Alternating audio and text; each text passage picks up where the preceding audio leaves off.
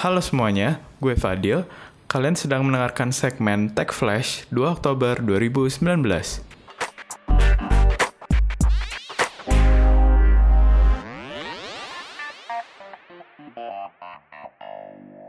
YouTube Music, aplikasi pengganti Google Play Music yang akan raib dari Android.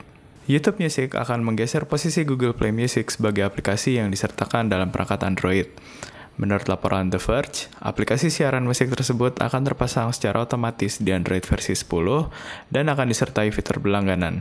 Pendengar Google Play Music dengan perangkat Android 10 dapat menikmati layanan musik tersebut dengan menggunakan akun yang telah terdaftar sebelumnya.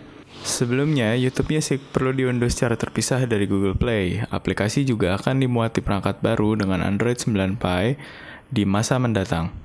Sejak YouTube Music meluncur, Google mengatakan layanan ini akan menggantikan Google Play Music sebagai platform musik berlangganan. Namun, perusahaan terlambat menginformasikan hal itu yang membuat orang-orang tidak mau melakukan peralihan aplikasi dari Google Play Music ke YouTube Music. Game Call of Duty Mobile bisa diunduh di Android dan iOS. Game Call of Duty Mobile kini dapat diunduh di platform Android dan perangkat iPhone atau iOS. Dilansir dari TechRadar, Game Battle Royale terbaru dengan tampilan first person ini mengambil suasana franchise Call of Duty dan fitur peta populer. Selain itu, gamer juga akan menemukan karakter dan senjata dalam permainan layaknya pada game serupa seperti PUBG atau Fortnite. Dikembangkan oleh Activision dan tim studio Tencent, game mobile Call of Duty diumumkan pada akhir 2018 lalu pada saat PUBG Mobile mendapatkan momentum eksponensial terutama di India. Developer kemudian merilis versi beta publik dari game bergenre Battle Royale ini dan kini akhirnya tersedia di Google Play Store dan Apple App Store. Game mobile Call of Duty mengambil banyak elemen dan lokasi dari katalognya yang menyebar selama lebih dari 16 tahun dengan permainan seperti seri populer mereka yaitu Modern Warfare dan Black Ops. Konsol PlayStation 5 dikabarkan akan memiliki fitur asisten digital. Jika Microsoft punya Cortana, Apple punya Siri, dan Google punya Google Assistant, kini Sony pun tak mau kalah. Perusahaan elektronik asal Jepang itu dikabarkan tengah menggarap teknologi asisten digital untuk perangkat besetannya, yang menurut rumor memiliki kemampuan dapat diajak ngobrol. Asisten digital tersebut diberi nama PlayStation Assist, disebut-sebut akan hadir untuk pertama kalinya pada PlayStation generasi kelima mendatang. Salah satu fitur unik yang dapat pengguna lakukan adalah, sebagai pemain, kita dapat menanyakan walkthrough atau bahkan letak item tersembunyi jika pemain merasa kebingungan untuk menyelesaikan suatu game.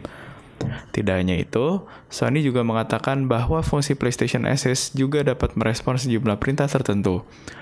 Pengguna PlayStation 5 juga akan bisa mendapatkan informasi mengenai siapa saja teman-temannya yang sedang bermain game yang sama, bahkan membuat jadwal untuk bermain game multiplayer bersama teman-teman. Oppo Reno 2 series segera rilis di Indonesia. Usai merilis dua model baru di seri A, Oppo tengah bersiap mengeluarkan model baru di seri Reno yang dinamakan Reno 2 series.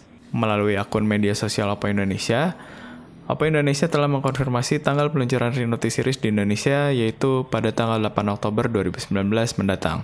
Selain nama seri dan tanggal peluncuran, tidak ada informasi lain yang diberikan oleh Oppo. Namun, kata series memiliki arti bahwa akan ada lebih dari satu model atau varian yang ditawarkan pada peluncurannya nanti. Oppo mengenalkan tiga varian dari seri Reno 2, yaitu Oppo Reno 2, Oppo Reno 2Z, dan Oppo Reno 2F. Oppo Reno 2 ditenagai chipset Snapdragon 730G dari Qualcomm yang dirancang untuk keperluan gaming. Sedangkan Reno 2Z dan 2F ditenagai chipset MediaTek yaitu Helio P90 pada Reno 2Z dan Helio P70 pada Reno 2F. Semua varian datang dengan konfigurasi RAM 8GB dan internal memori 256GB kecuali pada Reno 2F yang menggunakan internal memori sebesar 128GB. Semua varian sudah menggunakan sistem operasi Android 9 Pie dengan Color OS versi 6 menggunakan internal memori dengan teknologi UFS 2.1, baterai berkapasitas 4000 mAh dengan dukungan fast charge andalan Oppo yaitu VOOC Flash Charge versi 3.0. Varian Reno 2 menggunakan layar berpanel AMOLED tanpa notch dengan bentang layar 6,55 inci, sedangkan bentang layar pada Reno 2Z dan Reno 2F lebih kecil sedikit yaitu 6,53 inci.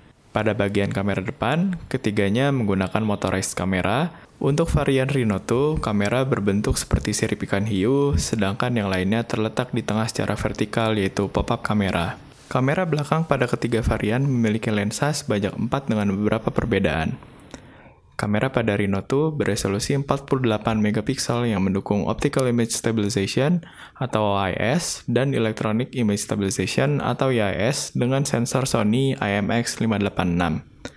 Selain itu, ada lensa telefoto dengan resolusi 13 megapiksel yang memberikan kemampuan hybrid zoom sebanyak 5 kali. Lalu ada lensa beresolusi 8 megapiksel wide angle dan lensa monokrom 2 megapiksel. Selanjutnya, Reno 2Z datang dengan lensa 48 megapiksel yang mendukung EIS dengan sensor Sony, lensa 8 megapiksel wide angle, 2 megapiksel lensa mono, dan 2 megapiksel sensor portrait.